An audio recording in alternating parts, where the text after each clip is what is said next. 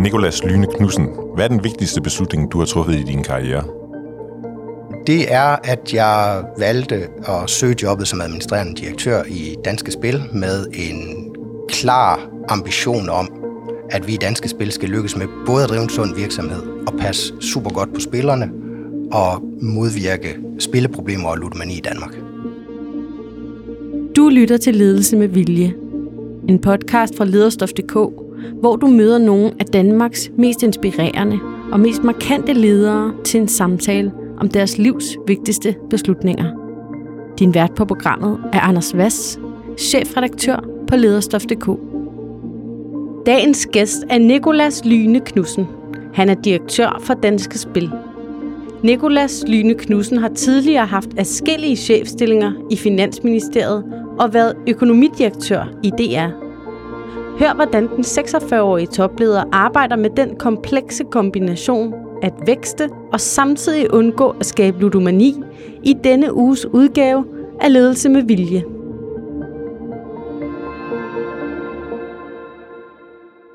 Nikolas Lyne Knudsen, hvad karakteriserer dig som leder? Jamen det håber jeg, det håber jeg er, at jeg er nysgerrig, og jeg er åben, og jeg altid er optaget af at få andre ting til det bedre. Jeg tror øh, meget dybt på, at hvis man ikke er i, i udvikling, og det lyder måske som en kliché, så er man lidt i afvikling, øh, men at man skal være på forkant, og man skal hele tiden ændre ting til det bedre, på en måde, så det skaber værdi for nogle andre end en selv.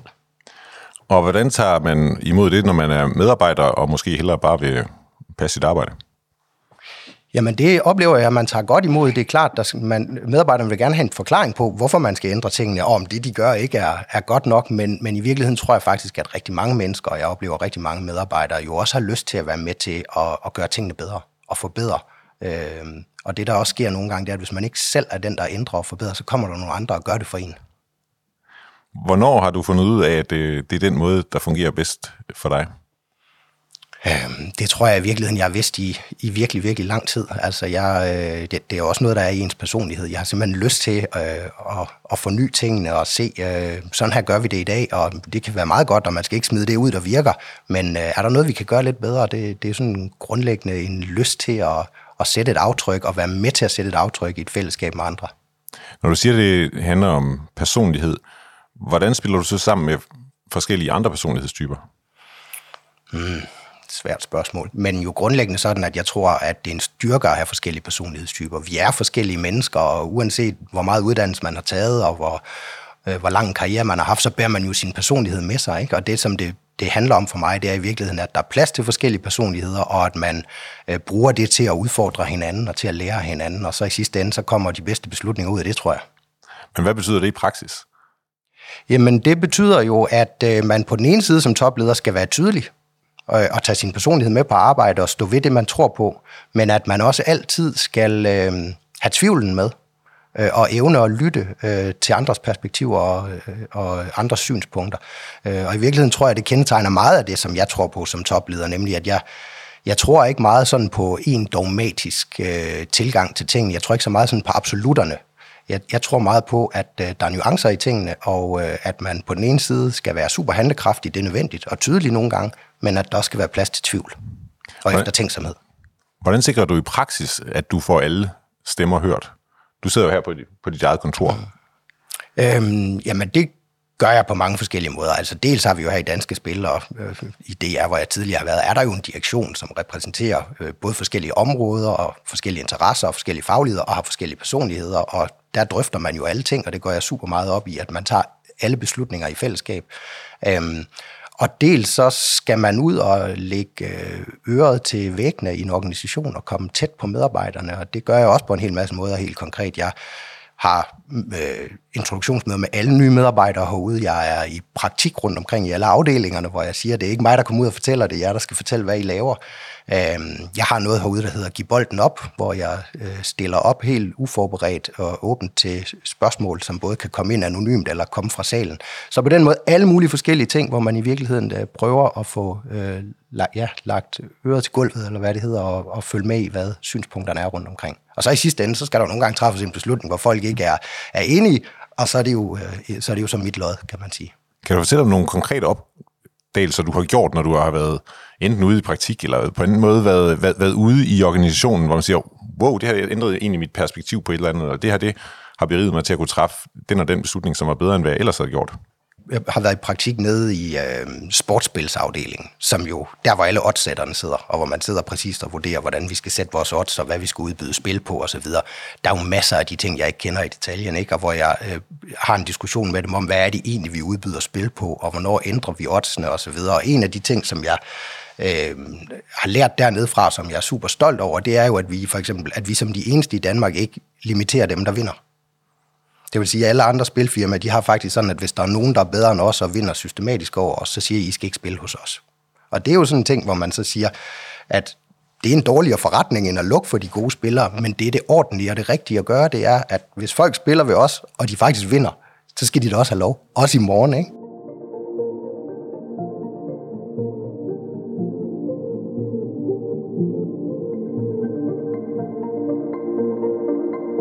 Her i Ledelse med Vilje taler vi om de største beslutninger i din karriere, og øh, du har selv været med til at vælge dem. Den første er egentlig en beslutning, du træffer meget tidligt i din karriere, hvor du efter du er færdig med din uddannelse har arbejdet som, som konsulent i nogle år. Hvad er det for en beslutning, og hvorfor er den afgørende for dig? Jamen, det er beslutningen om, at jeg øh, søger ind i Finansministeriet, hvor jeg så efterfølgende kommer til at være i øh, lige knap 10 år og, og bestrider en, en hel del forskellige chefstillinger og og grunden til det er afgørende, det er, at de 10 år der på mange måder kommer til at forme mig både som leder og, øh, og rent fagligt, og på den måde har udstukket retningen for resten af min karriere. Øh, jeg er stadigvæk den dag i dag helt utrolig glad for min tid i Finansministeriet. Jeg lærte virkelig, virkelig meget og fik mange muligheder derinde. Men grunden til, at jeg har valgt det som den vigtigste beslutning, det var i virkeligheden, at som du nævner, jeg, jeg da jeg blev færdiguddannet, der blev jeg ansat i et ingeniørfirma, der arbejdede med vejsikkerhed i Latinamerika. Og jeg har læst statskundskab, og det var jo helt anderledes, end hvad jeg havde troet. Og øh, jeg blev sendt afsted til Peru, og jeg kunne sådan en lille smule gymnasiespansk, men ikke mere end det. Og, og dybest set så blev jeg kastet ud på super dybt vand. Det gav mig hår på brystet, vil jeg sige. Jeg prøvede virkelig, virkelig mange ting på kort tid, men det var også en af de gange, hvor, hvor udfordringen på en eller anden måde var for stor. Jeg var for, for alene derude, jeg havde ikke fagligheden til det, jeg kunne ikke sproget til det, og, øh, og det var simpelthen for hårdt. Jeg arbejdede i døgndrift, men jeg fik også, øh, altså, jeg fik åndenød, jeg fik det dårligt. Og, øh, og noget af det, som gør, at jeg er stolt over den beslutning i dag, det er, at i virkeligheden var jeg måske et sted, hvor man siger, nu skulle du lige tage et pusterum, og nu skulle du lige drosle lidt ned, men så valgte jeg faktisk det modsatte, og valgte at sige, jeg søger det sted, jeg allerhelst ville hen, og som jeg måske også havde tænkt, der kan du aldrig komme ind. Øhm, men jeg skød på mål, øh, og hvis man ikke gør det, så scorer man jo ikke. Og så lykkedes det, og så øh, på en eller anden måde, så er jeg ret sikker på, at det har ændret resten af mit øh, karriereforløb. Så jeg, jeg er super stolt af, at jeg på en eller anden måde hæver mig lidt op ved håret der, eller hvad man siger, og siger, jeg, nu, selvom jeg er tyndsligt, så går jeg sgu efter det, jeg altid har drømt om, og, og så lykkedes det. Og hvis du ikke havde gjort det, var du så blevet i, øh, i Peru, eller hvor end de, de nu havde brug for et, øh, et nyt sted, eller, eller var du i virkeligheden der, hvor du blev nødt til at lave noget andet? Jeg var der, hvor jeg blev nødt til at lave noget andet. Øh, det var jeg, fordi det var simpelthen, det var simpelthen for hårdt, det der. Altså, jeg, var, jeg blev sendt afsted derud af, alene, og det var en startup, så det på den måde er det ikke en kritik, men det var, det var ikke et sted, som ligesom havde en HR-afdeling eller nogle rammer, eller et sted, man kunne gå hen. Der var, øh, der var, der var to partnere, og så var vi to junior, og så blev man sendt ud, og jeg, jeg, jeg vidste bare ikke nok om det, jeg lavede til, at jeg kunne øh, stå på mål for det, eller levere det, der var forventet, og det er jo, det er jo noget af det, der er det allerhårdeste for folk, det er hvis du, hvis du dybest set bliver sat til at lave noget, hvor der ikke er noget støttesystem, og hvor du kan mærke, det er simpelthen ikke i orden, det jeg leverer. Det, det, det er simpelthen ikke godt nok, i forhold til, hvad forventningen var. Er det noget, du har kunne bruge til noget, så alligevel trods den dårlige oplevelse? Jeg synes, jeg kunne bruge det til meget. Altså dels har jeg jo kunne vende tilbage til andre på andre tidspunkter i løbet af min karriere, når jeg synes, at noget har været hårdt og, og, det, og, og, og op ad bakke. Altså så har jeg jo kunne vende tilbage til det som sådan et referencepunkt, hvor jeg siger, at nogle gange, så i stedet for at give op, så at sige, så skal man måske justere kursen lidt, man holder fast i det, man gerne vil, og det, man drømmer om. Det er den ene ting. Men den anden ting er jo også, at jeg har været meget bevidst om, som chef selv, at sige, jeg vil gerne give folk udfordringer, jeg vil gerne kaste dem ud på dybt vand, men der skal altid være et supportsystem, der skal være en redningskrans, hvis folk kommer for langt ud. Ikke? Så det er jo noget med det der med på den ene side at udfordre både sig selv og andre, men på den anden side øh, også hjælpe dem til at, at komme godt i land. Hvordan, hvordan kan man det være, være sikker på lige at spotte, når det er sådan, at der er en medarbejder, der er i øh, til overhalsen? Ved at interessere sig for dem og følge med, vil jeg sige. Altså det, for mig er det virkelig sådan noget almindeligt menneskeligt, det der, hvis man, hvis man, hvis man er tæt på medarbejderne eller, eller på de chefer, man har, og man har løbende snakket med dem, og man øhm, ikke kun kigger på resultaterne, men også på, hvordan de har det, så vil jeg sige, langt de fleste mennesker kan godt spotte, når nogen er presset eller lidt for langt ude, og så skal man jo turde have en, en ærlig og åben snak omkring øh, det, hvor det ikke bliver opfattet, som om chefen sidder og siger, hvad søren kan du ikke levere, men hvor det faktisk bliver opfattet som, det går super godt, men du skal sige til, hvis du skal have noget hjælp, eller hvis det er for meget. Det rum skal man jo skabe som chef, hvis man skal lykkes. Du kommer så til Finansministeriet og har jo, øh, som du siger, i virkeligheden en, en lang række stillinger der. Øh, en, en, en række øh, en, en række gange øh, bliver du forfremmet. Øh, hvorfor er det, at du lykkes så godt i det system? Altså, da jeg, da jeg så kom ind i Finansministeriet, og jeg startede der, så min første oplevelse... Som almindelig medarbejder? Som almindelig medarbejder. Min første oplevelse, det var, Gud, faderbevares, var folk dygtige herinde. Det, altså, det kommer jeg aldrig til at kunne leve op til det. Så god bliver jeg aldrig. Øhm, og måske er det en del af, at det så alligevel lykkedes, kan man sige. Fordi i hvert fald så var det sådan, at jeg vidste, at man ville ikke komme sovende til noget, og jeg arbejdede, øh, jeg arbejdede virkelig, virkelig hårdt. Og jeg tror måske sådan i sådan noget McKinsey-terminologi, dengang jeg var ung, der ville man måske kalde mig det sådan en unsecure overachiever. Ikke? Hvis du er lidt grundlæggende bekymret for, om du er god nok hele tiden, så overpræsterer man måske lidt. Øhm, og det tog, altså, det tog lang tid før, at jeg selv kom til at tænke sådan, jamen, du er faktisk god nok til at være her nu, men hen ad vejen, når der var et system, som siger, jamen, du gør det skide godt, vi tror på dig, vi vil gerne give dig nye muligheder, vi kan også bruge dig som chef, så begynder der jo også lige så stille at indfinde sig en eller anden ro i at sige, okay, jeg kan faktisk noget, og så noget af det, som er super vigtigt, tror jeg, som chef, det er så at begynde at interessere sig for, hvad er det egentlig, jeg kan, ikke? Øhm, og øh, hvor er det, jeg stadigvæk kan udvikle mig, men hvad er det også, jeg skal hvile i, at det her, det kan du godt finde ud af. Og det fik jeg bygget op gradvist over de der, øh, over de der 10 år, en grundtro på, at jeg har en, en faglighed på noget økonomi og på noget styring, men også en grundtro på, at jeg kan finde ud af at lede folk, og at folk gerne vil lede sig mig og arbejde sammen med mig. Ja, for det er jo undervejs, at du får dit første øh, chefjob. chefjob. Hvordan er dine tanker om det, hvis du siger, at du var, var usikker på, om du overhovedet kunne øh, være i det første job som medarbejder? Hvordan var dine tanker så dengang, der var nogen, der pegede på dig og sagde, du kan faktisk godt få lov til at bestemme over nogle, nogle andre? Jamen, jeg tror helt grundlæggende, at jeg var stolt og glad for, at der var en organisation, der synes jeg kunne bruges i lederrollen også. Og så, øhm, så var jeg relativt grøn, da jeg blev chef øh, første gang. Jeg var måske 29, tror jeg. Øhm, og, øhm, og jeg kan da kigge tilbage i dag nu på rigtig mange ting, jeg gjorde forkert som ung chef. Men det er jo også noget af det, man lærer af. Og heldigvis har jeg jo så sidenhen haft mange andre øh, unge mennesker, som jeg har gjort til chefer. Og det er jo en proces, man skal igennem, og det er... Altså, der, man laver mange af de samme fejl, vil jeg sige. Det er også en stor glæde for mig, ligesom at kunne måske guide folk udenom de værste af dem, så at sige, fordi man har været der selv. Hvad var de første fejl, du lavede, og dem du genkender hos øh, dem, du selv udpeger til, til nye chefer? At jeg, at jeg tror, den største, første fejl, jeg lavede, det var, at jeg, ligesom, at jeg troede, at jeg skulle lave alle medarbejdernes, øh, at lave alt medarbejdernes arbejde, for jeg kom jo fra at være menig medarbejder og kunne lave alting selv, så jeg var jo alt for detaljeorienteret og alt for langt ned i tingene, og øh, i stedet for at give folk frihed til at lave tingene på den måde, de nu gør, gjorde, og så interessere sig for resultatet, så var jeg alt for interesseret i processerne og mellemregningerne og alt muligt andet. Så, så dybest set var jeg nok for, for, øh, for tæt på, og gav ikke plads nok, og gav ikke rum nok øh, som, som ung chef de flestes øh, første chefjob, det er jo, at man bliver chef for sine egne kolleger. Var det også det, der skete for dig? Det var det faktisk i første omgang. Øh, der blev jeg chef for min egen, øh, min egen kolleger, men det var sådan i, så var som konstitueret kontorchef, så det var sådan lidt på lån tid, og det tror jeg gjorde det lidt lettere, end hvis man rent faktisk blev kontorchef. Da jeg så blev kontorchef, der var det ikke for min, der var ikke, der var det ikke for mine egne kolleger der var, det for, der var det for nogen i økonomistyrelsen, og jeg kom ind fra Finansministeriets departement.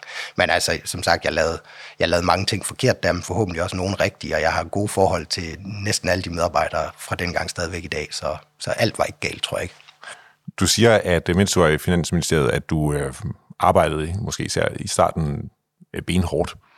Hvad betyder det i timer, i, øh, i indsats, i hvilken mulighed man har for at være et, et rigtigt menneske, når man ikke er på jobbet?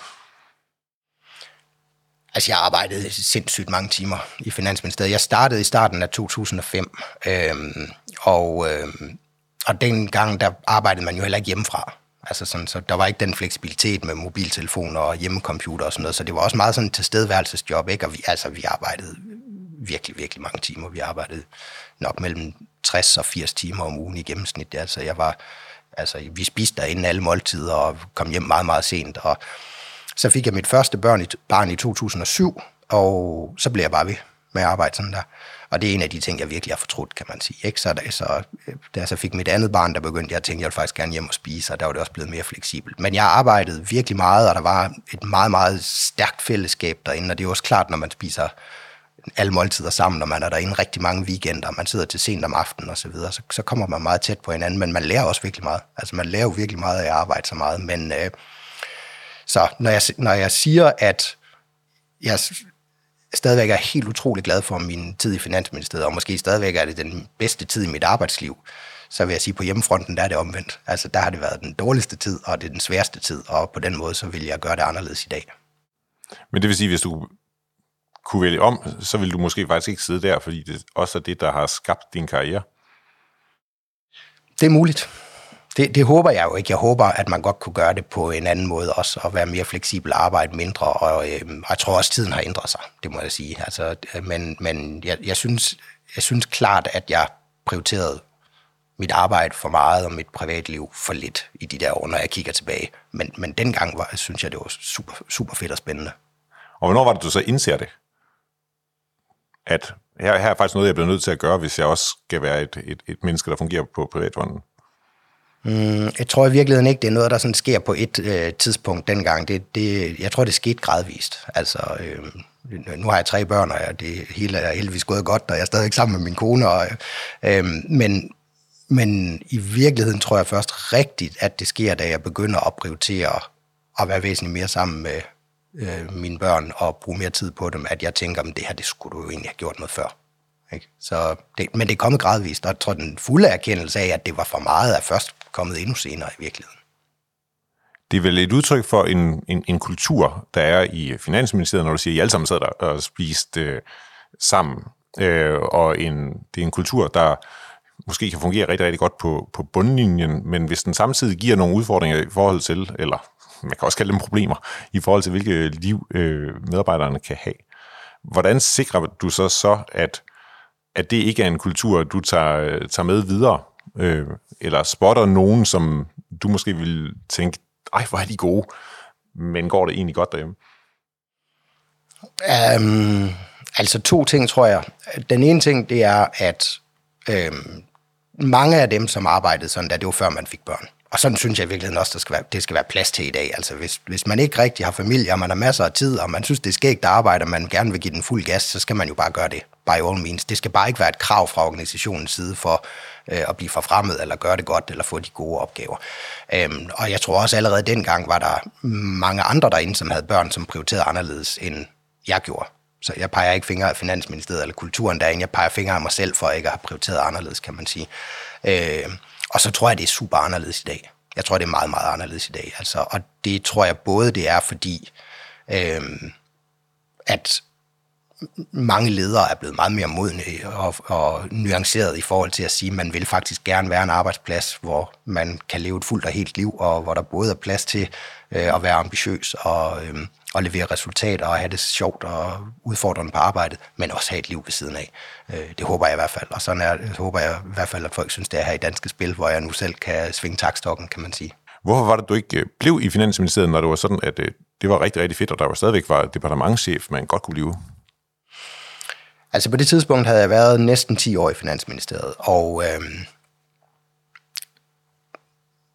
havde haft mulighed for at lave utrolig mange forskellige ting, men, men samtidig så er Finansministeriets departement, jeg ved ikke, hvor mange der er der nu, dengang tror jeg, der var 120 mennesker eller sådan noget. Det er, det er en ret lille arbejdsplads, og det er meget langt fra noget, der minder sådan om drift. Og det, det tror jeg bare, jeg havde lyst til at prøve at komme ud i, øh, i en, jeg var lige ved at sige, en rigtig virksomhed med en hel masse forskellige mm, faggrupper og medarbejdertyper og aldersgrupper, hvor man rent faktisk leverede et eller andet sådan kerneprodukt, som man kunne se resultatet af øh, hver dag, og som ikke øh, var beslutningsoplæg, eller, eller, eller papirer, eller, eller forberedelse på den måde. Så det der med sådan virkelig at komme ud, og, øh, og så... Øh, og så var min departementchef på det tidspunkt, han havde jo været som økonomidirektør i DR tidligere, og havde bare sagt, det var, det var super fedt, det job der. Hvis du får muligheden, eller hvis du, det bliver ledigt, og du kan søge den, og nogen vil have dig, så skal du gøre det. Det skal du simpelthen prøve.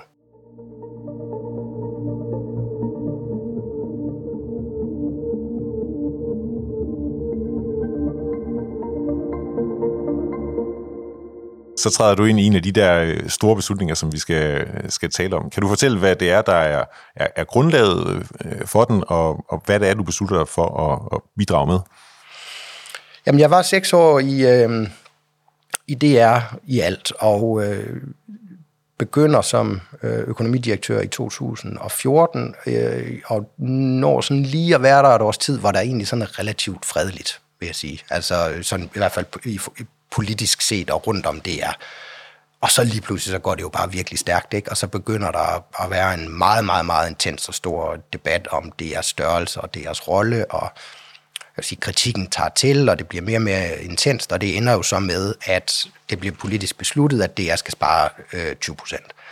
Og øh, den proces, der er der omkring den besparelse, hvor jeg jo er økonomidirektør og har den rolle, man så har som økonomidirektør med at, at kunne tallene og lave oplæggene og regne på forskellige muligheder og scenarier. Og, øh, men selvfølgelig i sidste ende arbejder jeg enormt tæt sammen med generaldirektøren derude og op mod bestyrelsen, som er den, der tager den endelige beslutning. Men jeg vil alligevel sige, at, at den proces, som jeg er meget tæt involveret i, hvor vi laver den spareplan, men også insisterer på i hele den proces, der, at vi ikke bare vil lave et DR, der ligesom er 20% dårligere across the board. Vi vil ikke bare udvande og udtynde det hele og have en dårligere og tyndere version af det, at vi vil lave noget, øhm, hvor vi også prøver at styrke noget, og hvor vi har noget, der peger fremad, og hvor vi så at sige, prøver at sige, der skal også være noget lys i mørket, der skal være noget her, som, som peger ind i fremtiden. Den, den, den proces var jeg meget øh, tæt involveret i, og, øh,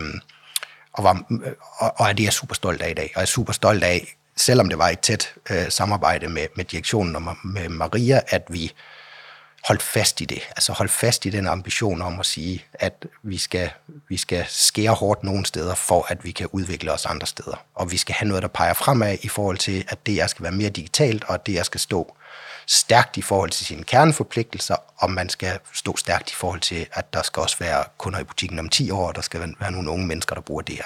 Så det, det er jeg super, super, super stolt over at have været med i den proces. Du er jo på det her tidspunkt økonomidirektør, som vi siger, men, men du er jo faktisk også øh, direktør for det område, der hedder teknologi. Og øh, det der er ideen er, at man skal lave en digitalisering.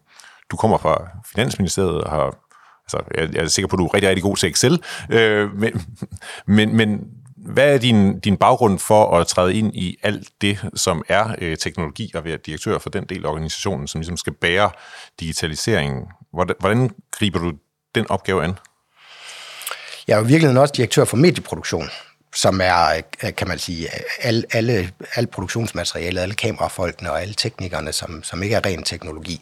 Øhm, man kan sige, at den organisation var tegnet, før jeg kom, så det var sådan set den stilling, jeg søgte ind i, og jeg griber jo opgaven an på den måde, at jeg på den ene side tror jeg godt forstår, hvad teknologi gør, og at det er en understøttende ting for, at man kan lykkes i det, er det faktisk en kerneforudsætning for, at man kommer ud til nogen, men jo på den anden side også bare må sige, at der er underdirektør for de der områder, der kan det ud og ind, og dem skal jeg lære en hel masse af, og dem skal jeg tage rigtig tæt på mig, fordi selvfølgelig kommer jeg ikke med det som min kernekompetence, men, øh, men så kan man jo sætte sig ind i ting, og seks år er også et stykke tid, så jeg synes egentlig, at jeg kom ud derfra og øh, har lært virkelig meget, og, og, både om, om videoproduktion og teknologi.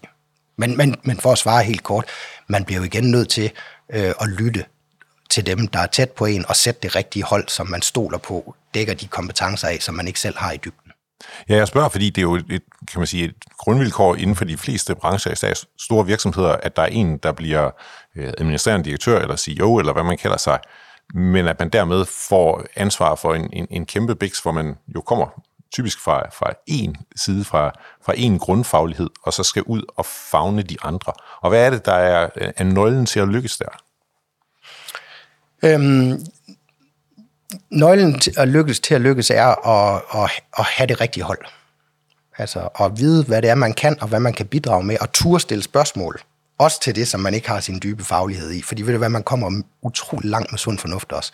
Så, så på den ene side, så skal man turde stille spørgsmålene, også der, hvor man ikke har den dybe faglighed, og udfordre det. Og på den anden side, så skal man lytte til dem, der har den dybe faglighed. Og når man har spurgt nok gange, og man får det samme svar, og de siger, det er altså ikke sådan, det hænger sammen, så skal man sige, okay, så stoler jeg på dig, det er derfor, du er på holdet, og det er derfor, vi arbejder sammen. Men, men det er i virkeligheden det. Ikke? Du skal have de rigtige mennesker med de rigtige kompetencer.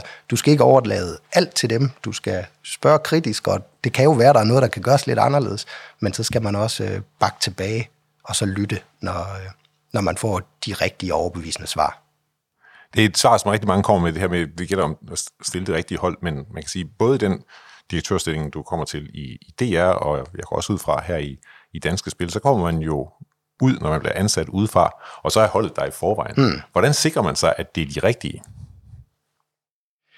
Øhm, det... Og hvordan opdager man det, hvis det ikke er det? Det gør man ved at bruge en masse tid sammen med dem. Og så at, at lære, lære dem at kende, og mærke efter, og finde ud af, om ens værdier flugter, og øh, om når man har selv har udstukket retningen og sagt, hvor man vil hen, så bliver man jo også nødt til at mærke ærligt efter, vil de med den retning der? Altså, er, er, de, er vi enige om retningen? Er der fælles fodslag? Øhm, og så tror jeg jo også sådan efterhånden, når man har prøvet lidt af hvert at arbejde mange forskellige steder, så begynder man jo også at vide, hvem er det, jeg arbejder godt sammen med, og hvem er det, der arbejder godt sammen med mig i virkeligheden, og så, så, så må man sætte et hold. Men i virkeligheden vil jeg sige, det er jo det samme på topniveau, som det er på alle mulige andre niveauer. Har jeg den rigtige skare af medarbejdere? Øhm, er, er de for ens, eller, og er de forskellige nok, så at sige, i forhold til den opgave, vi skal løse, øh, og er der tillid mellem os. Øh, og så må, man, så må man sætte holdet. Og, og sandheden er jo, at nogle gange er man stensikker, og nogle gange er man super meget i tvivl om, om det er det rigtige hold, og hvordan man skal sætte det. Og så er der også et punkt, hvor man bare må træffe en beslutning, for man kan ikke gå, specielt ikke med en topledelse, og være øh, i en eller anden form for limbo særlig lang tid. Folk bliver nødt til at få at vide, om de er købt eller solgt. Og hvad gør man, når man skal sige, at du er solgt? Jamen, så må man jo sige farvel til dem. Så må, man jo, så må man jo øh, sige, at jeg vælger at sætte et andet hold, og det kan være på grund af den strategiske retning, eller det kan være på grund af omkostning, eller det kan være på grund af alle mulige forskellige ting. Men, men, men sandheden er bare, at det må man gøre så ordentligt, som man overhovedet kan, og, som, og, øh, og, og dermed vil jeg også sige så hurtigt, som man kan. Og det er jo en af de ting, der er svære, fordi er det ordentligt at sætte et nyt hold relativt hurtigt, så folk ikke går i i uvidshed og i limbo? Eller er det ordentligt at give folk lang tid til at lære hinanden at kende og bevise, hvad de kan, men så måske alligevel komme frem til at sige, at det var ikke øh, det, var ikke det rigtige hold. Det, øh, det, det, er, det er et dilemma, og, og sige, min erfaring er, at øh, man skal prøve at sætte det nye hold så hurtigt, som man kan.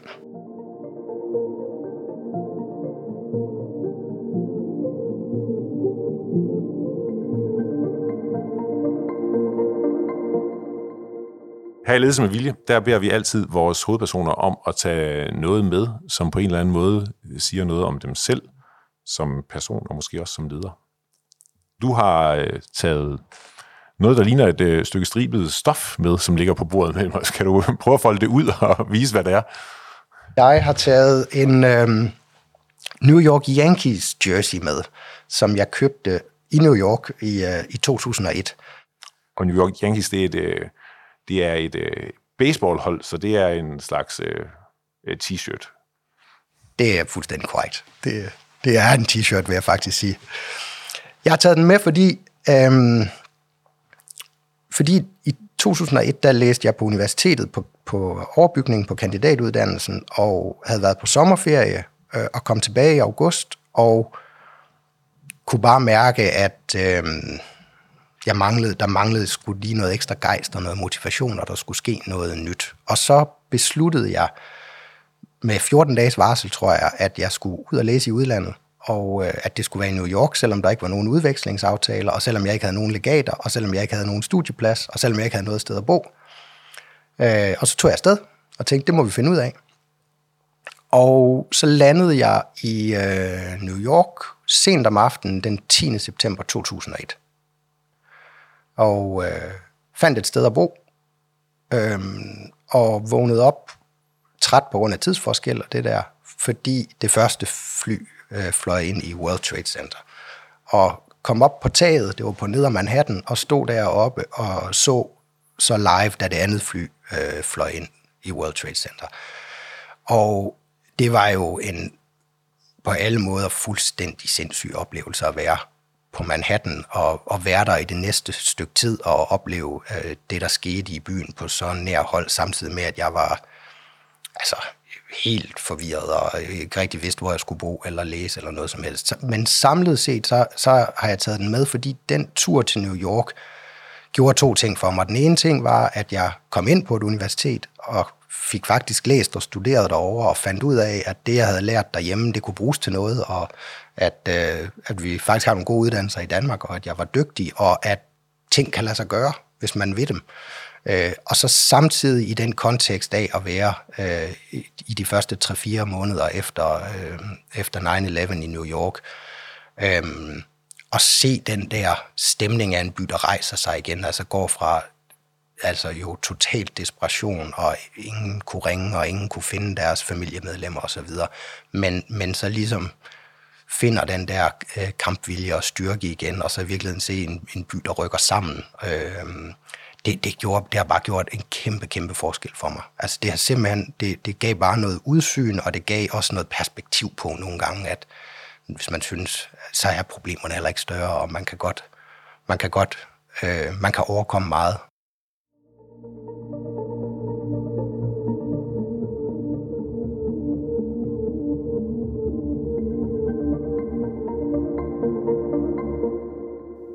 Tilbage til de øh, allerstørste beslutninger i din øh, karriere, den du nævnte øh, allerførst, øh, som årsagen til, at vi sidder her på dit kontor hos Danske Spil i Brøndby, det var, at øh, du vælger at, at søge stillingen her som administrerende direktør, øh, og du får den.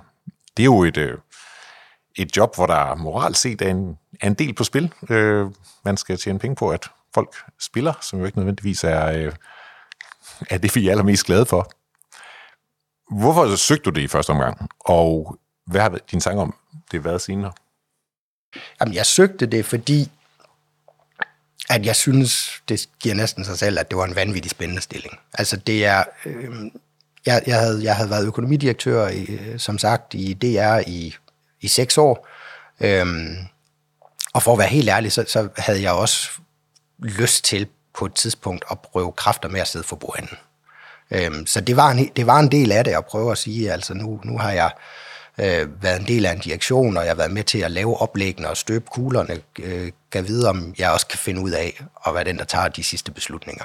Øh, så det havde jeg simpelthen lyst til sådan personligt at, at prøve kræfter med. Og så, øh, og så er Danske Spil jo en virksomhed med en lang historie, altså snart 75 år i historie, og, øhm, og en virksomhed, som betyder noget for rigtig mange danskere, og på den måde, som ligesom har, som altså tidligere dansk tipstjeneste, det er sådan en forankring i, øh, i den danske befolkning, og øh, som er en gennem digital virksomhed, som når ud til, øh, altså, vi har cirka 1,9 millioner danskere, der spiller hos os. Ikke? Så, så på den måde, så synes jeg i virkeligheden, selvom nogen idéer sikkert vil synes, at det lyder helt frygteligt, at der var mange ligheder. Altså vi er en digital virksomhed med en lang historie, som betyder noget for mange danskere, som når ud til mange danskere, og hvor alt det, vi tjener, går tilbage til foreningsliv og idræt og kultur osv., så, videre. så der er også ligesom et større formål end at, end at spille. Så, så på den måde synes jeg bare, det lyder som en skide spændende stilling. Men, men så er der jo, som du også selv peger på, det her dilemma med at sige, at på den ene side, så skal vi tjene penge øh, og drive en sund virksomhed og levere et overskud til Forenings Danmark. Og på den anden side, så skal vi bekæmpe spilproblemer og ludomani og sørge for, at vores kunder ikke spiller for meget.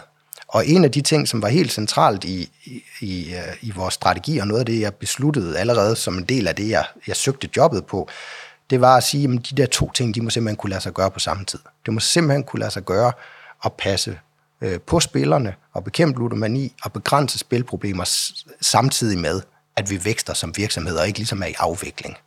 Øhm, og det, altså, det er en svær beslutning, det der, fordi sandheden er, at nogle gange er der modsætningsforhold mellem det der. Altså nogle gange, der træffer vi valg, hvor vi siger, men her har vi en kunde, der gerne vil købe noget mere, og så siger nu må du ikke købe det. Altså, nu skal du ikke købe mere hos os, nu skal du tage en pause, eller øh, nu har du brugt for lang tid. Øhm, og det er klart, det er du jo ikke i sig selv god forretning i. Det begrænser jo, hvor meget vi tjener. Jeg tænker, det må være svært øh, som leder at, øh, balancere noget med ambition og, og drive, hvis du for eksempel har en, en marketingsafdeling, som har det mål, at nu skal vi have solgt nogle skrabespil.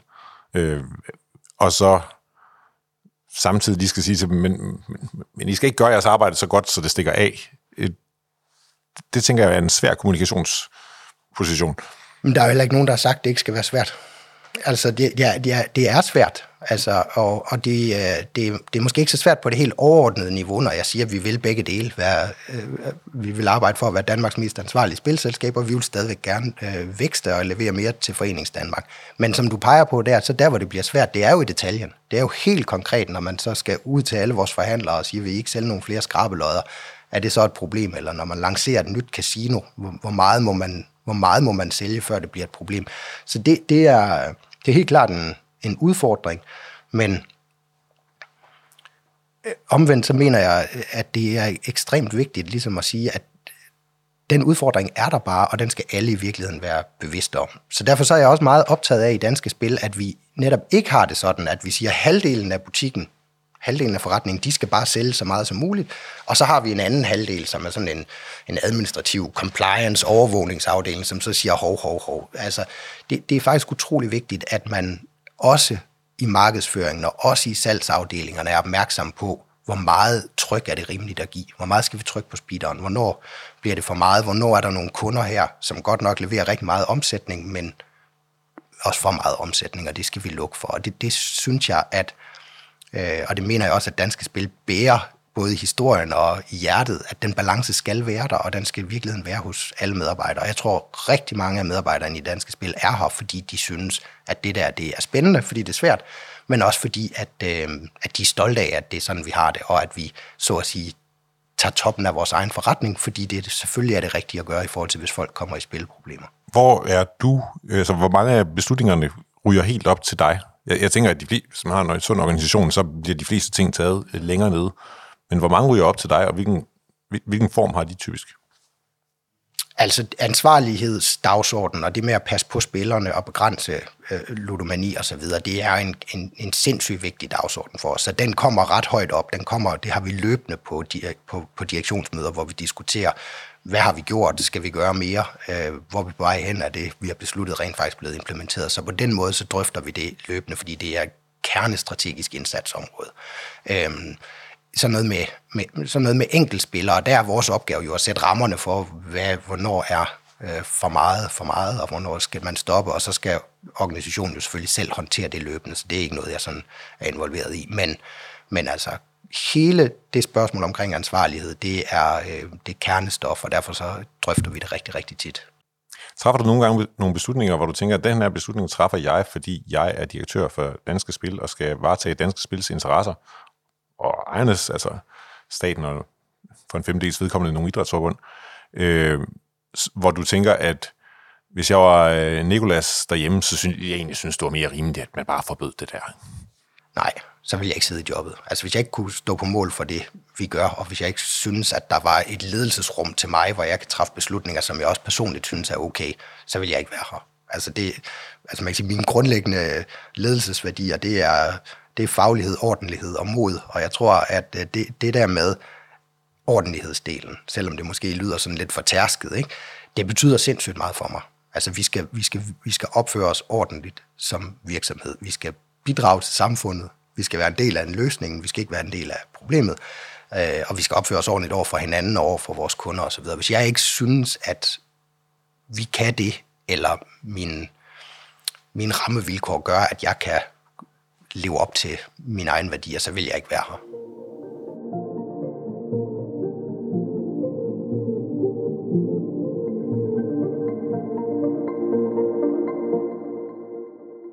I Ledelse med Vilje, der slutter vi altid af med at spørge om, hvilke beslutninger det er, du står overfor. Nu har du været her i to år, øh, så jeg forventer ikke, at du siger, at jeg skrider i morgen. Øh, men hvad tænker du øh, selv om, om fremtiden? Er der nogle konkrete beslutninger lige nu, og nogle, du selv skal stå for fremover? Jeg tror i virkeligheden, den vigtigste beslutning, vi står overfor, det er det, som, som vi har talt om. Altså, det er igen den der altså balancen mellem øh, at være øh, attraktiv for kunderne og ikke genere alle de kunder, som ikke har nogen problemer, og så at ludomani bare stadigvæk er et super vigtigt problem i Danmark, og, øh, og vi skal være en del af løsningen der, og det kræver nok, at vi, vi gør endnu flere ting. Altså virkelig meget af det i det er også timing. Så virkelig meget af det er, at hvis man indfører for mange begrænsninger, eller for mange ting, hvor kunder, som ikke synes, de har noget problem overhovedet, føler, at de bliver generet af os hele tiden, og bliver spurgt om, hov, har du ikke spillet for meget? Øhm, så skubber man kunderne væk. Øhm, men, men realiteten er bare stadigvæk, at vi er slet ikke færdige med at gøre det endnu bedre i forhold til spilproblemer og ludomani, og vi kommer til at træffe nye og store beslutninger, men jo gerne på en måde og i en takt, hvor vi samtidig øh, er interessante for kunderne og har en sund virksomhed. Så det er, det er bare hele tiden nye beslutninger på det område i forhold til øh, at være en ansvarlig spilvirksomhed. Og hvad med dig selv og øh, dine ambitioner og din nysgerrighed? Nu taler du jo for eksempel meget varmt om Finansministeriet, og der er jo en tradition for, at man er afdelingschef, og så kommer man ud i en styrelse eller en virksomhed, øh, som du har været, og så kan man også ligesom en af dine forgængere idéer komme tilbage og være departementchefen. Øh, eller der kunne være andre store jobs. Altså, jeg er helt utrolig glad for at være i Danske Spil. Jeg har kun været her i, i to år, og Øh, i det jeg var jeg jo i 6, og i Finansministeriet var jeg i 10, så jeg regner med, at jeg skal være her mange år endnu, og jeg synes, der er enormt mange vigtige ting at gøre. Jeg synes simpelthen, altså, vi er jo, vores motto er jo til glæde og til gavn. Øh, og det ligger mig utrolig meget på sinde, at vi lykkes med i den kommende tid at balancere de der to ting. At vi er til glæde for danskerne, der spiller, og vi samtidig er til gavn for samfundet. Både fordi vi giver penge tilbage, men også fordi vi hjælper med øh, at skabe et, øh, et Danmark, hvor man godt kan spille og have det godt og drømme og have det sjovt, uden at komme i problemer. Og det, øh, det synes jeg er en vanvittig spændende og ret svær opgave i virkeligheden. Jeg spørger også, fordi der er mange af de topledere, vi taler med, som når de siger, hvordan de i kommer i det næste job, siger som, jamen, så blev jeg tilbudt, at, så blev jeg tilbudt, at, øh, hvor du er en af dem, som siger, jamen, jeg søgte den der stilling, og jeg søgte den der stilling, fordi jeg havde lyst til noget mere. Så jeg tænker også, der er noget inde i dig, øh, som også kunne betyde, at når man er, øh, bliver topchef øh, et sted i starten af 40'erne, og øh, kan gå på pension, i, i, i, når man bliver 70, at, at så vil der være en nysgerrighed til også at prøve noget andet. Jeg er 46. Så det, det, Nå, starten det var 44, da du startede, ikke? øhm, altså det eneste, jeg kan sige, det er, at jeg hverken tænker over det, eller kigger mig om, eller spekulerer i de der baner. Jeg synes, at øh, jeg synes, der er rigeligt med spændende udfordringer, og jeg synes, det er et fantastisk dejligt sted at være. Øh, og øh, der er i danske spil, der er en blanding af en helt fantastisk sådan holdånd og opbakning og næsten sådan en familiær følelse, og så samtidig et øh, brændende ambition om at lykkes med opgaven og gøre det bedre og konkurrere og passe på spillerne. Og det, det er faktisk en helt fantastisk øh, stemning, at der både er sådan en eller anden rummelighed og et fællesskab, og så samtidig bare en fighting spirit. Tak for det, og tak fordi du er med i Ledelse med Vilje. Du har lyttet til Ledelse med Vilje, en podcast fra lederstof.dk. Du kan abonnere på podcasten i din foretrukne podcast-app, og vi bliver glade, hvis du også giver os en anmeldelse og nogle stjerner med på vejen. Alle de topchefer, vi taler med i Ledelse med Vilje, deler deres bedste råd om ledelse inde på lederstof.dk. Så gå ind på sitet og få inspiration til, hvordan du selv bliver en bedre leder. Bag lederstof.dk står lederne, Danmarks største interessefællesskab for ledere.